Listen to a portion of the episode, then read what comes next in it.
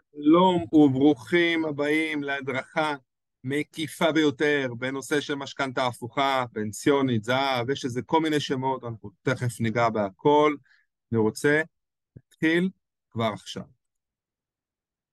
אז קודם כל ברכות, תודה רבה לכל מי שטרח ופינה את הזמן שלו כדי לצפות בהדרכה הזו, בין אם מדובר בהדרכה שנעשית בשידור חי ובין אם הדרכה שאתם צופים בה בזמנכם הפנוי, זה לא מובן מאליו שאתם משקיעים את הזמן, אבל הזמן הזה שאתם תשקיעו יכול אולי לעזור לכם לצאת לדרך חדשה בחיים, לתת לכם המון המון המון ידע וכלים.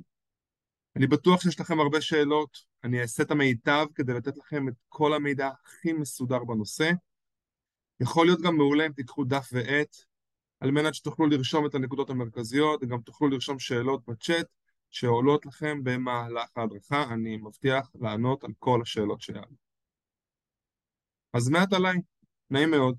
לי קוראים אריאל אחרון, אני יועץ משכנתאות ופיננסים ותיק, אני נשוי פלוס שני ילדים ויש לי עוד כמה חיות, כלבות, חתול, דג ודומה. אני חבר בהתאחדות יועצי המשכנתאות, יש לי נוכחות מאוד גדולה ברשתות, אתם מוזמנים באמת לעקוב אחריי בפייסבוק, בטיק טוק, באינסטגרם, איפה שרק לא תרצו, נותן המון מעצמי, המון ערך, אה, ואתם יכולים ללמוד המון על נושא המשכנתאות והמימון, דרך צפייה אה, בתכנים שאני מעלה, ממש כמעט כל יום. קצת על העבר שלי, אני בוגר תארים ראשון ושני באוניברסיטאות, הייתי תשע שנים בצבא, עסקתי בהייטק, ניהלתי פרויקטים, הייתי מתח מערכות מידע, ועוד כל מיני דברים נוספים. התפקיד האחרון, לפני שפתחתי את העסק הזה לפני מספר שנים, הייתי בבנק דיסקונט כשנתיים. הייעוד שלנו, מאוד חשוב, לפני שנתחיל, לעזור לכמה שיותר משקי בית בישראל לקבל את המימון המתאים והזול ביותר עבור העסקה המשמעותית ביותר בחיים שלהם, כל אחד עבור העסקה שלו. מהם הערכים המובילים שלנו? אז קודם כל אנחנו הופכים את החיים של הלקוחות שלנו לטובים יותר. מצוינות, מתן המענה המתאים ביותר לצורכי הלקוח, לצרכים שלכם. אנחנו מחויבים לתהליך, אנחנו דוגלים במקצוענות ללא פשרות, אנחנו דוגלים בשירות שהוא יוצא דופן. על מה אנחנו נשוחח היום? יש לנו כמה נושאים שבעצם יתקפו את סוגיית המשכנתה ההפוכה מכל זווית אפשרית, ואני לוקח פה ניסיון מצטבר של שנים בהמון עסקאות, שקשורות בעולם המשכנתה ההפוכה, באמת אין ספור עסקאות מכל סוג שלא יהיה, ואני מרכז הכל פה לקפסולה אחת של מידע, שינסה באמת לענות על הכל, בין היתר נענה על מה זה, סליחה, מה זה משכנתה הפוכה, מהם המאפיינים שלה, איזה סיבות שכיחות ללקיחת משכנתה הפוכה קיימות, מה, כל מה שקשור בגמישות מרבית באופן התשלום, נדבר על אחוזי המימון שניתן לקבל, נדבר על הריביות שאפשר לקבל, מה קורה עם היורשים, עוד נקודות חשובות בתהליך, הוצאות נלוות, נדבר קצת על התהליך עצמו, ובסוף נשאיר גם כמובן מקום לשאלות דרך הצ'אט. אז מה זה בכלל משכנתה הפוכה? בואו נתחיל. היא מוכרת גם כמשכנתה לגיל הזהב, משכנתה פנסיונית, יש לזה כל מיני שמות. בסוף כולם כמובן, רבותיי, מתייחסים לאותה דבר. מדובר אגב בענף מימון שמאוד התפתח בישראל בשנים האחרונות, לדוגמה, אה, אם זה בין חברות אה, ביטוח, וגם הבנקים נכנסו לזה ממש בשנה, שנתיים, שלוש האחרונות ביתר שאת. מה זה אומר בעצם? זה מאפשר לאנשים כמוכם וכמוני, כמו ההורים שלנו, כמו הסבים שלנו וכמו הדודים שלנו וכמו כל בן אדם שאנחנו מכירים, כמו השכן שלנו, היום כבר מגיל 55 ומעלה, זה חידוש, יחסית מהתקופה האחרונה, אז מגיל 55 ומעלה ניתן לקבל הלוואה גדולה, אני לא מדבר על הלוואה של עשרת אלפים שקלים, למגוון מטרות שבעצם המוטיב זה שאני משעבד את הנכס. נכס קיים, נכס נרכש בחלק מהמקרים, אני כמובן אגיע לזה יותר מאוחר, אני אפרט. חשוב לדעת, רבותיי, שהמימון הוא לכל מטרה. לכל מטרה שבעלי הנכס רואים לנכונה עבורם. כלומר, יש פה עניין שאני לא צריך להצדיק יתר על המידה את הסיבה שבגינה אני רוצה לגייס כסף כרגע. אני משעבד את הנכס שלי, זה מספיק. אגב, להבדיל מבעולם של משכנתאות רגילות בבנק.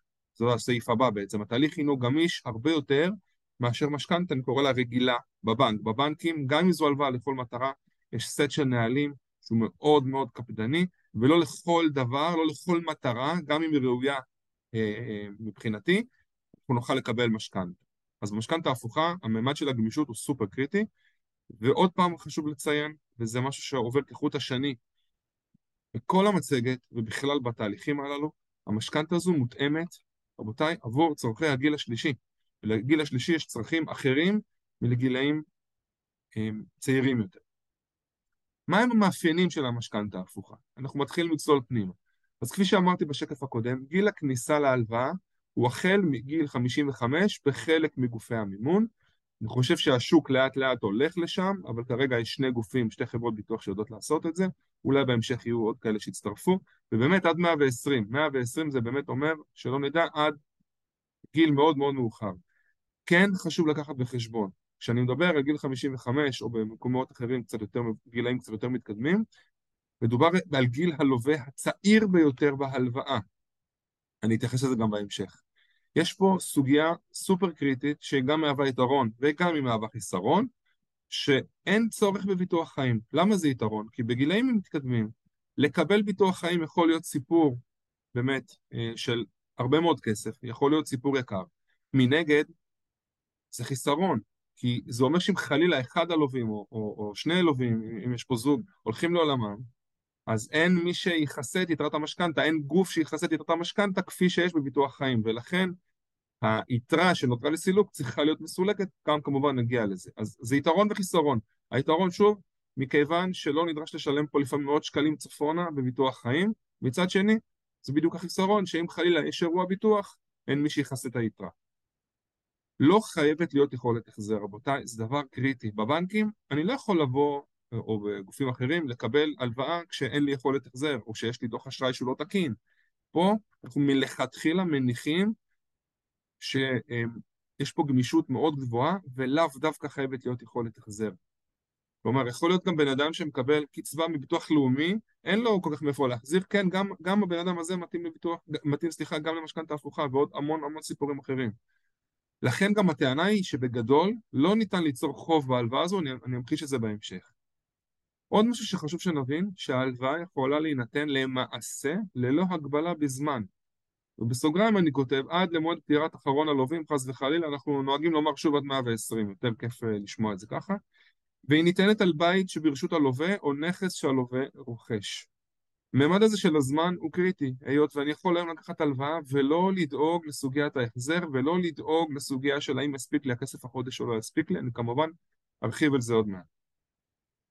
בחלק ניכר מהמקרים, אחוז המימון שאנחנו נוכל לקבל הוא יהיה, משווי הנכס, הוא יהיה תלוי בגיל הלווה, כפי שאמרנו, הצעיר ביותר בעסקה. ובמילים אחרות, ככל שהגיל גבוה יותר, ככל שאני יותר מבוגר, כך סכום ההלוואה שניתן לקבל אינו גבוה יותר, אך יש גם אפשרויות אחרות שהן לא תלויות בגיל הלווה. אני כמובן ארחיב על זה אה, בשמחה עוד מעט. עוד כמה מאפיינים של המשכנתה ההפוכה שהם סופר חשובים.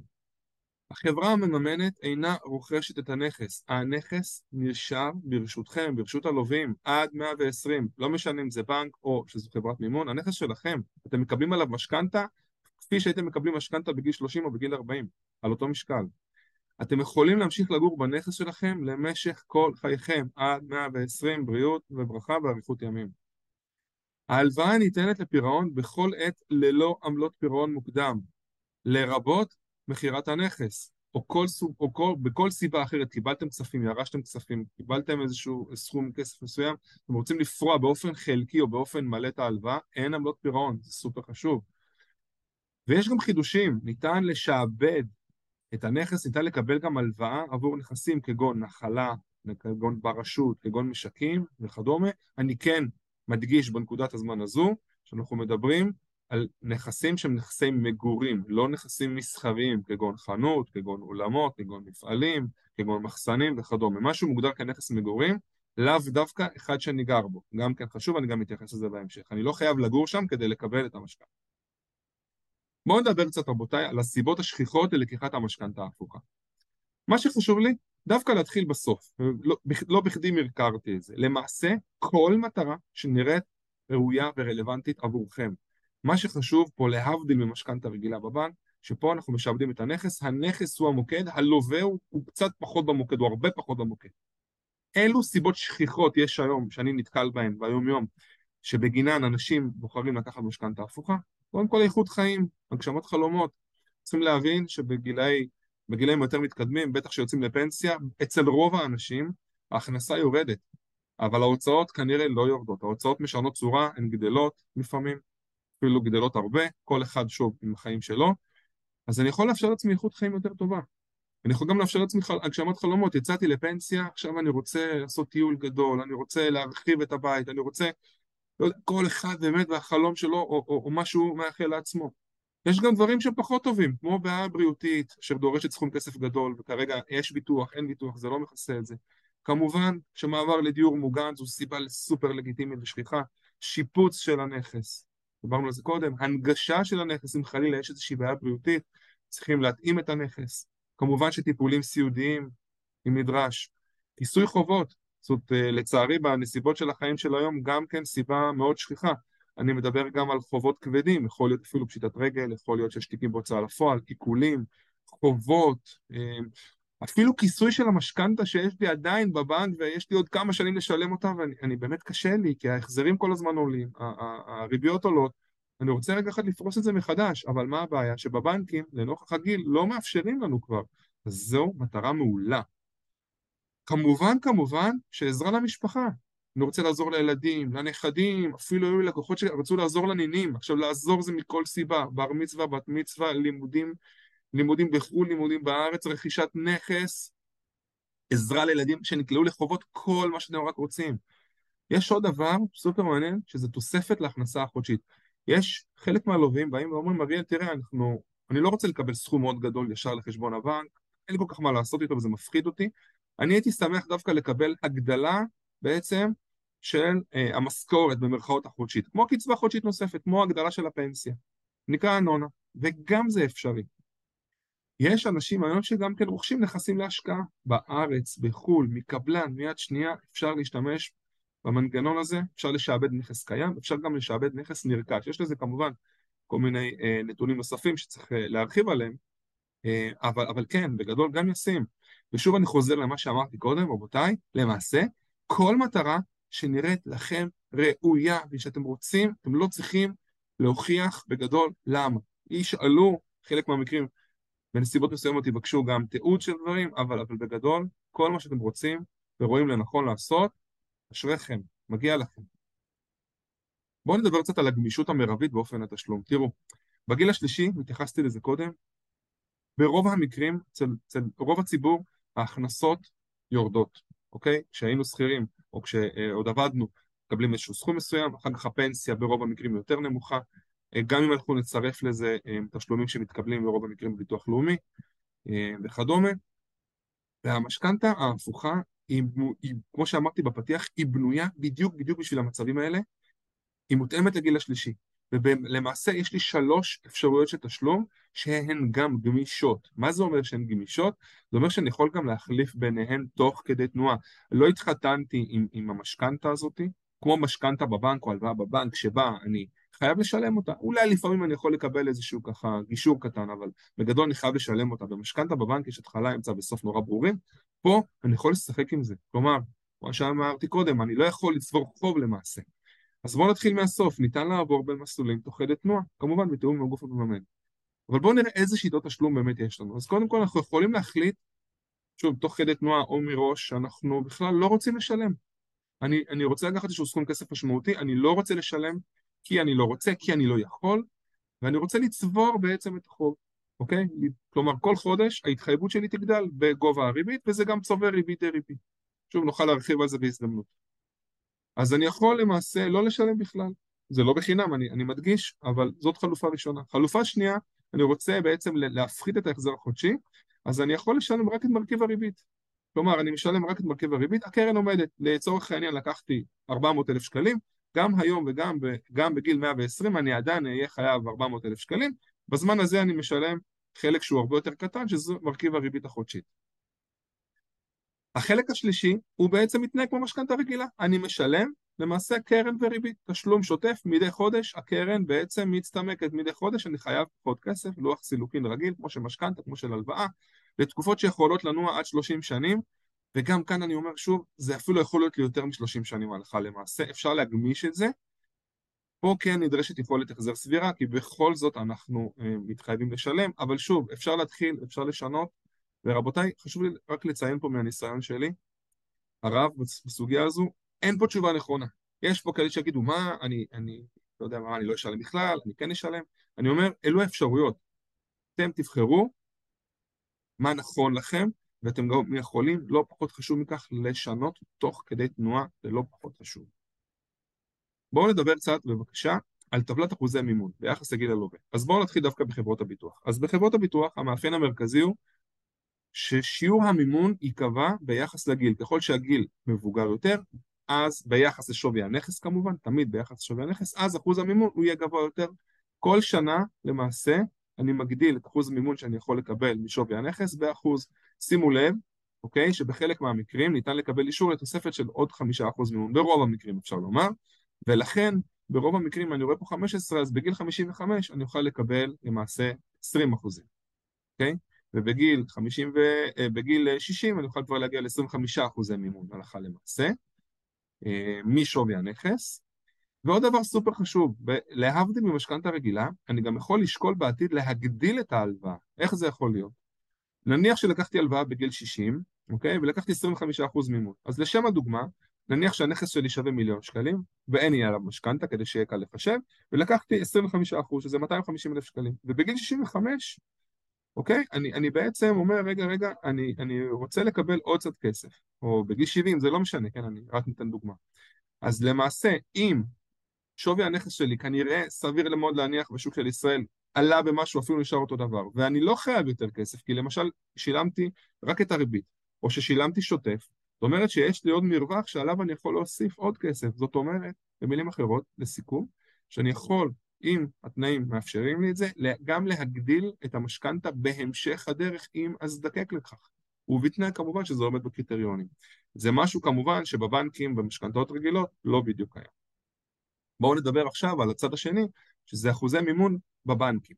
אז הבנקים מצד אחד הם יותר גמישים, אבל מצד שני הם גם הרבה יותר קשוחים. אז בבנק מזרחי, שוב אני מדבר נכון להיום, ניתן לקבל מראש עד 45% מימון משווי הנכס, ללא תלות בגיל הלווה.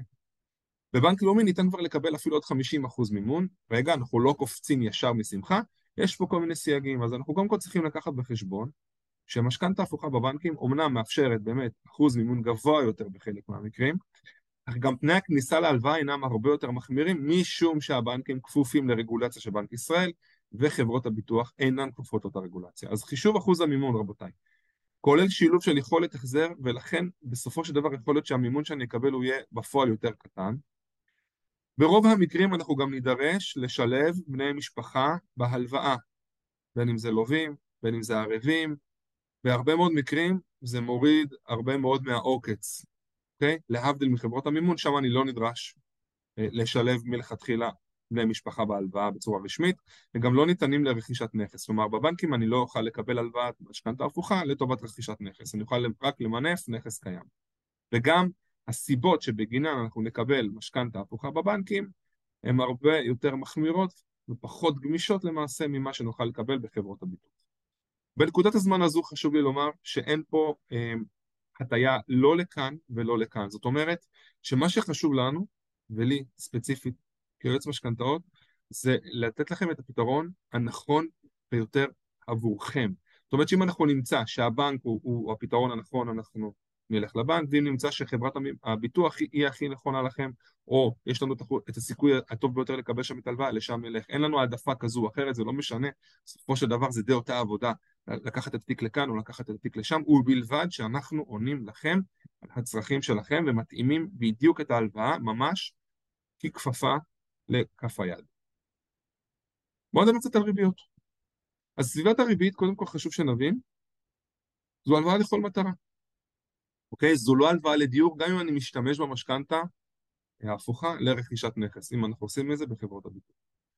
עכשיו אני אתייחס לריביות נכון להיום, ואני גם פה נותן אה, אה, משפט שאומר, הריביות ייקבעו לכל עסקה באופן פרטני, אני רק נותן גבולות, שוב, לא לתפוס אותי במילה בבקשה, אבל זה פלוס מינוס מה ששכיח היום. אז מסלולים של ריבית משתנה, משתנה כל חמש שנים, והיא צמודה למדד המחירים לצרכן בטווח של 4.2 עד 4.5 אחוזים.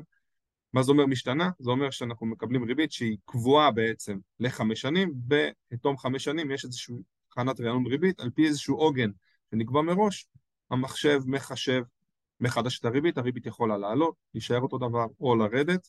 מה שחשוב לדעת שהיא צמודה למדד המחירים לצרכן. אז ככל שמדד המחירים לצרכן עולה, ככה ההחזר החודשי יכול באותה מידה לעלות. מסלול אחר זה ריבית שהיא קבועה צמודה. כלומר, הריבית לא משתנה לעולם, היא אותו דבר, אבל היא עדיין צמודה למדד המחירים לצרכן. פה הריבית היא קצת יותר גבוהה, כי אנחנו מקבלים יותר ביטחון לטווח הארוך. אז שיעורי הריבית נעים פה סביב 4.8 עד 5.2. יש אפשרויות גם לקחת הלוואות היום במסלול של פריים. ספציפית ליום הקלטת אה, ההדרכה הזאת, הפריים מאוד יקר, ברוב המקרים לרוב הלווים יהיה פחות אטרקטיבי, וחישוב גס יכול לעבור מהיום הראשון את ה-7-8 אחוזים, לכן אנשים פחות נוטים לקחת את זה בתקופה הזו, אבל, אבל דעו לכם שזה ניתן לביצוע. בבנקים אגב ניתן גם לשלב ריבית שהיא קבועה לא צמודה. בואו נדבר קצת על היורשים, חס וחלילה, אוקיי? עד 120, אבל בכל זאת נדבר על הדברים הכואבים. לאחר שאחרון הלווים הלך לעולמו בהלוואה, ככל שנותרה יתרה לסילוק, ניתן ליורשים החוקיים פרק זמן של 12 חודשים לכיסוי ההלוואה. אני כבר מדגיש, היורשים לא יכולים להמשיך לשלם את ההלוואה למרות שהלכה למעשה, אם הגדרתם את זה כמו שצריך, הם ירשו את הנכס.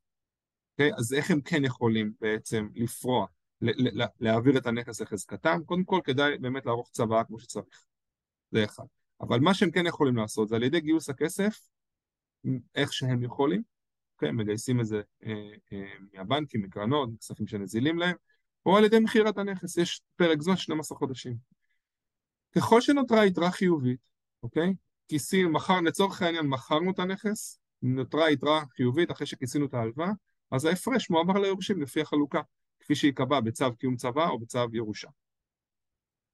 במקרה הפוך, שבו היתרה לסילוק גבוהה משווי הנכס, בואו ניקח לדוגמה מצב שבו לא שילמנו בכלל וה, והלווה האריך חיים עד 120 וביום אה, הסתלקותו מן העולם של הלווה, של אחרון הלווים, הנכס שווה משהו, אבל ההלוואה, החוב שנוצר בעצם בגלל שלא שילמנו לצורך העניין, הוא, הוא גבוה יותר משווי הנכס באותה נקודת זמן, אז חברת המימון תדאג בעצם למכירת הנכס. היורשים כמובן לא יכולים לרשת חוב, הם יכולים לרשת רק זכויות. כמובן שאני מציע להתייעץ עם עורך דין שמתמחה בצוואות וירושות, אבל בגדול זה החוב.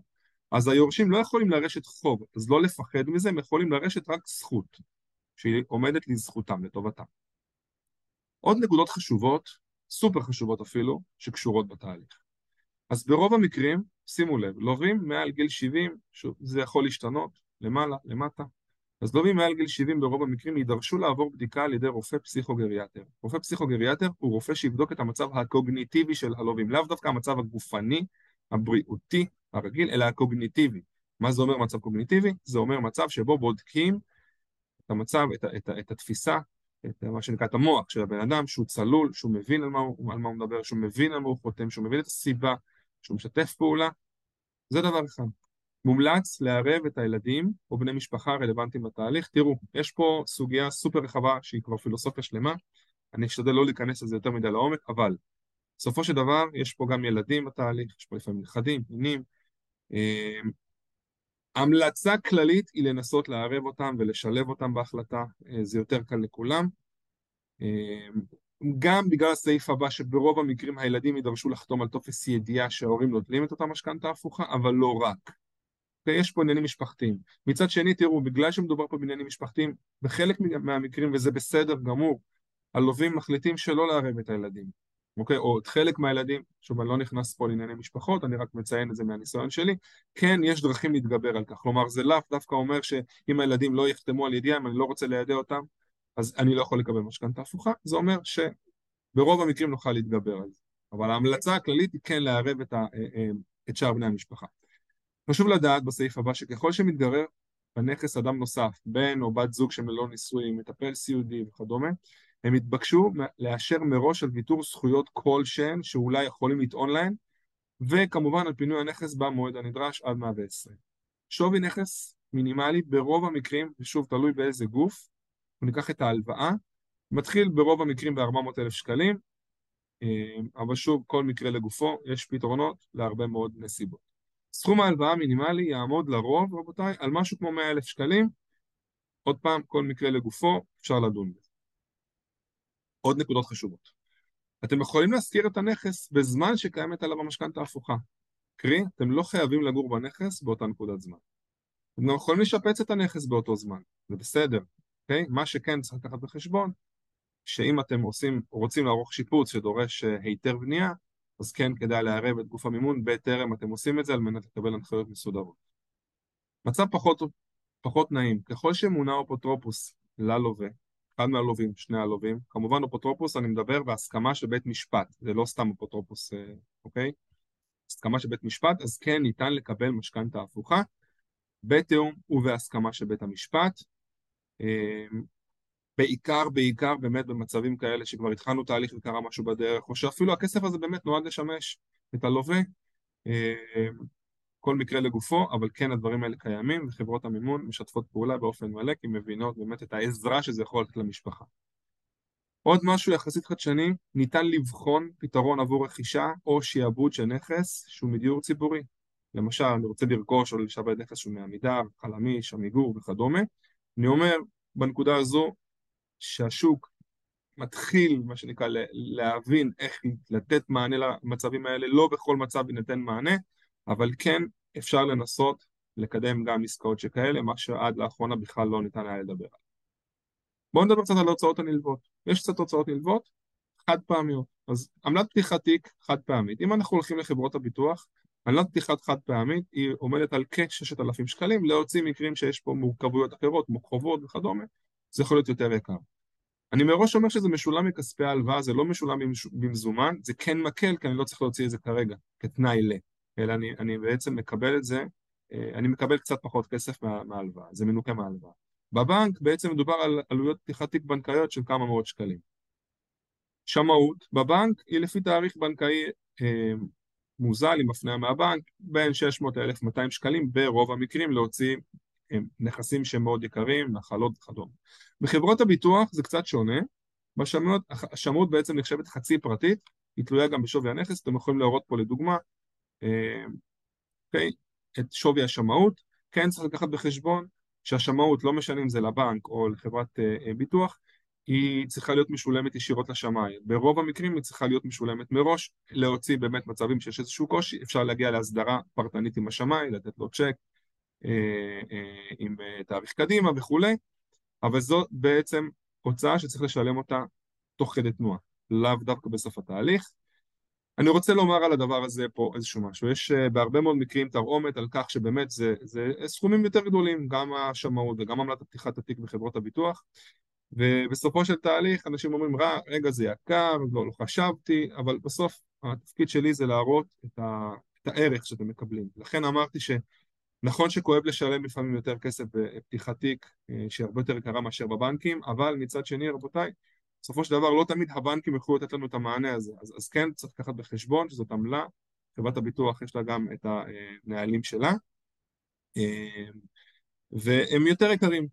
אין לנו שוב העדפה לכאן או לכאן, בסופו של דבר כל תיק צריך להצליח איפשהו יש לו את הסיכוי הכי טוב להצליח, או איפשהו יכול רק להצליח בו, לפעמים זה יהיה בבנקים, לפעמים זה בחברות הביטוח, אני רק משקף לכם את המצב. קחו בחשבון שמבחינת ביטוח מבנה, אז אנחנו חייבים לכל אורך חיי ההלוואה, ברוב המקרים מדובר בכמה עשרות שקלים לחודש. מדוע מחייבים אותנו בביטוח מבנה? היות ובסופו של דבר הנכס ממושכן למשכנתה, ולכן חלילה אם יש איזשהו אירוע של ביטוח, כגון הצפה, רעידת אדמה, שרפה וכדומה, שהביטוח מכסה, הבנק או חברת המימון דורשים את זה על פי חוק. אני בלי שום קשר טיפ שלי מציע לכם, גם אם אין לכם כיום משכנתה, תערכו אם אתם יכולים, ביטוח מבנה, גם אפילו, אפילו אם אתם משכירים דירה בלי שום קשר, תערכו ביטוח מבנה, יכול לתת לכם הרבה שקט, חלילה שלא נדע, בעת אירוע ביטוח. בואו נדבר קצת על התהליך. אז התהליך הוא בעצם תהליך של משכנתה לכל דבר ועניין, אוקיי? שלב ראשון, זה השלב הכי חשוב מבחינתי, אנחנו עורכים בדיקת התכנות, אנחנו עורכים אפיון סופר סופר סופר סופר סופר מסודר לרבות באמת להבין את, ה, את הצרכים שלכם, את המטרות ואת הנכס ואת השווי שלו והאם הוא משועבד היום, האם הוא לא משועבד היום. אה, מה בעצם יכול לעזור לכם כדי להבין בסופו של דבר לאן אנחנו רוצים לכוון את התיק הזה ואיפה אנחנו נוכל באמת להצליח לקבל את המימון הנכון ביותר עבורכם. אחרי שעברנו בדיקת ההיתכנות, זה משהו שבעצם אני מוביל אותו, אוקיי? זה האפיון. השלב הבא זה איסוף מסמכים. אני כבר מראש אומר, הסירו דאגה מלבכם, לא מדובר פה בטופס טיולים ארוך, אבל כן צריך להציג מסמכים, אוקיי? נסח טאבו, אישור זכויות, תדפיסים של בנק, תעודות זהות ועוד כל מיני נתונים נוספים, כמובן אנחנו יכולים לעזור בכל מה שאפשר, ולכן גם לפעמים כדאי להיעזר בדור היותר צעיר שיש לו יותר נגישות למידע הזה, אם יש איזשהו קושי כמובן חלילה. שלב הבא, אנחנו מגישים את התיק לפי אה, מתווה שהגדרנו בשלב בדיקת ההיתכנות, אנחנו יודעים למי אנחנו רוצים להגיש, לאילו גופים רלוונטיים, כדי בסופו של דבר להגיע לשלב הבא. שלב הבא, אחרי מספר ימים, ברגע שהכל תקין, אנחנו נוכל לקבל אישור עקרוני להלוואה. האישור העקרוני הזה אומר, בדקנו את המסמכים, הבנו את העקרונות של מה שאתם מבקשים, אנחנו מאשרים את זה. מה צריך לקרות כרגע? אז קודם כל עריכת שמאות, אוקיי? יש לנו פה עכשיו את השלב שדיברנו עליו קודם, מזמינים את השמאי, שמאי עורך את השמאות, משהו כמו שבוע, סדר גודל פלוס מינוס, קצת יותר, קצת פחות. אה, השמאי בעצם קובע את שווי הנכס הסופי, אוקיי? יש את השווי השמאי של הנכס, ועל פיו בסופו של דבר אנחנו נוכל לקדם את התיק, להתקדם עם התיק, נוכל לדעת את שיעור המימון הסופי שנוכל לקבל, אה, כי אנחנו תמיד תלויים בשווי, בשווי הנכס. בשלב הבא יזמינו אותנו לחתימה על המשכנתה, יכינו את הניירת, יזמינו אותנו לחתימה על המשכנתה, ובסופו של דבר, אחרי מה שנקרא כל הסיומים, כל הפינישים שקשורים אה, במשכנתה, אנחנו נוכל לקבל את כספי ההלוואה, אני מדגיש מראש, לחשבון שהוא ברשות הלווה או הלווים.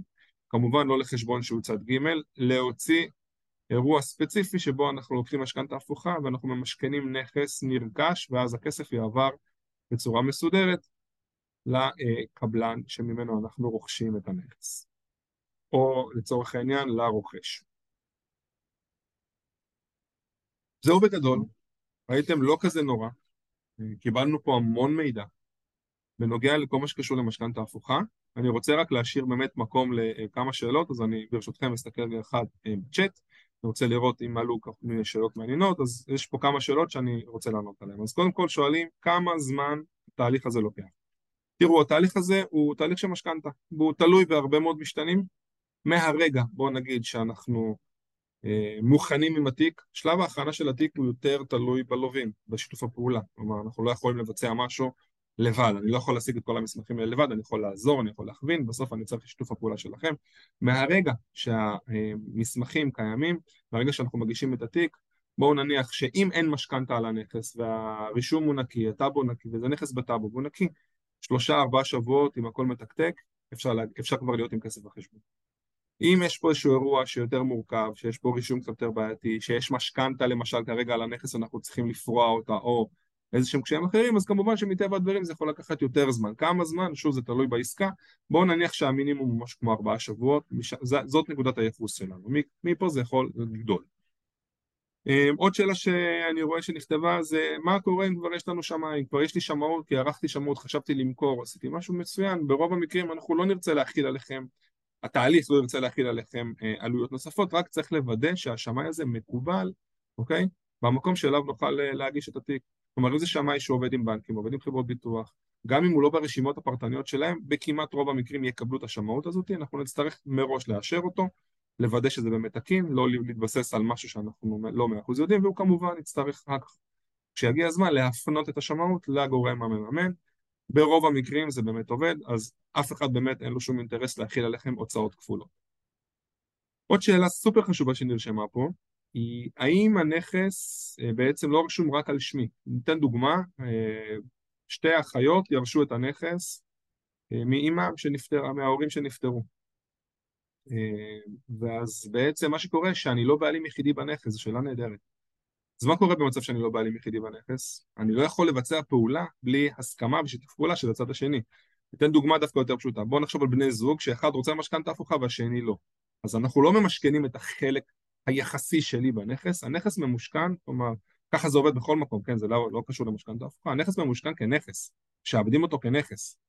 זאת אומרת שאם כל בעלי הנכס לא מסכימים אה, לחתום, או להשתתף באירוע, אז, אז בעצם הפעולה הזאת לא יכולה לצאת לדרך. וגם צריך לקחת בחשבון שנניח אם יש, אה, דוגמה קלאסית זה יורשים, כמו שאמרתי קודם, ואחד היורשים, נגיד שיש שני יורשים שכן רוצים לקחת, או שלושה יורשים שכן רוצים, אומרים, אחים, אנחנו ניקח את המשכנתה, נעזור לאח הזה כי הוא, הוא צריך את הכסף הזה עכשיו, אבל היורש אה, הכי צעיר הוא מתחת לגיל 55, אז לצערי לא נוכל לקדם את העסקה הזאת, קחו את זה גם כן בחשבון, כלומר, יש פה עניינים שהם מה שנקרא מהותיים בסוגיה הזאת של היורשים.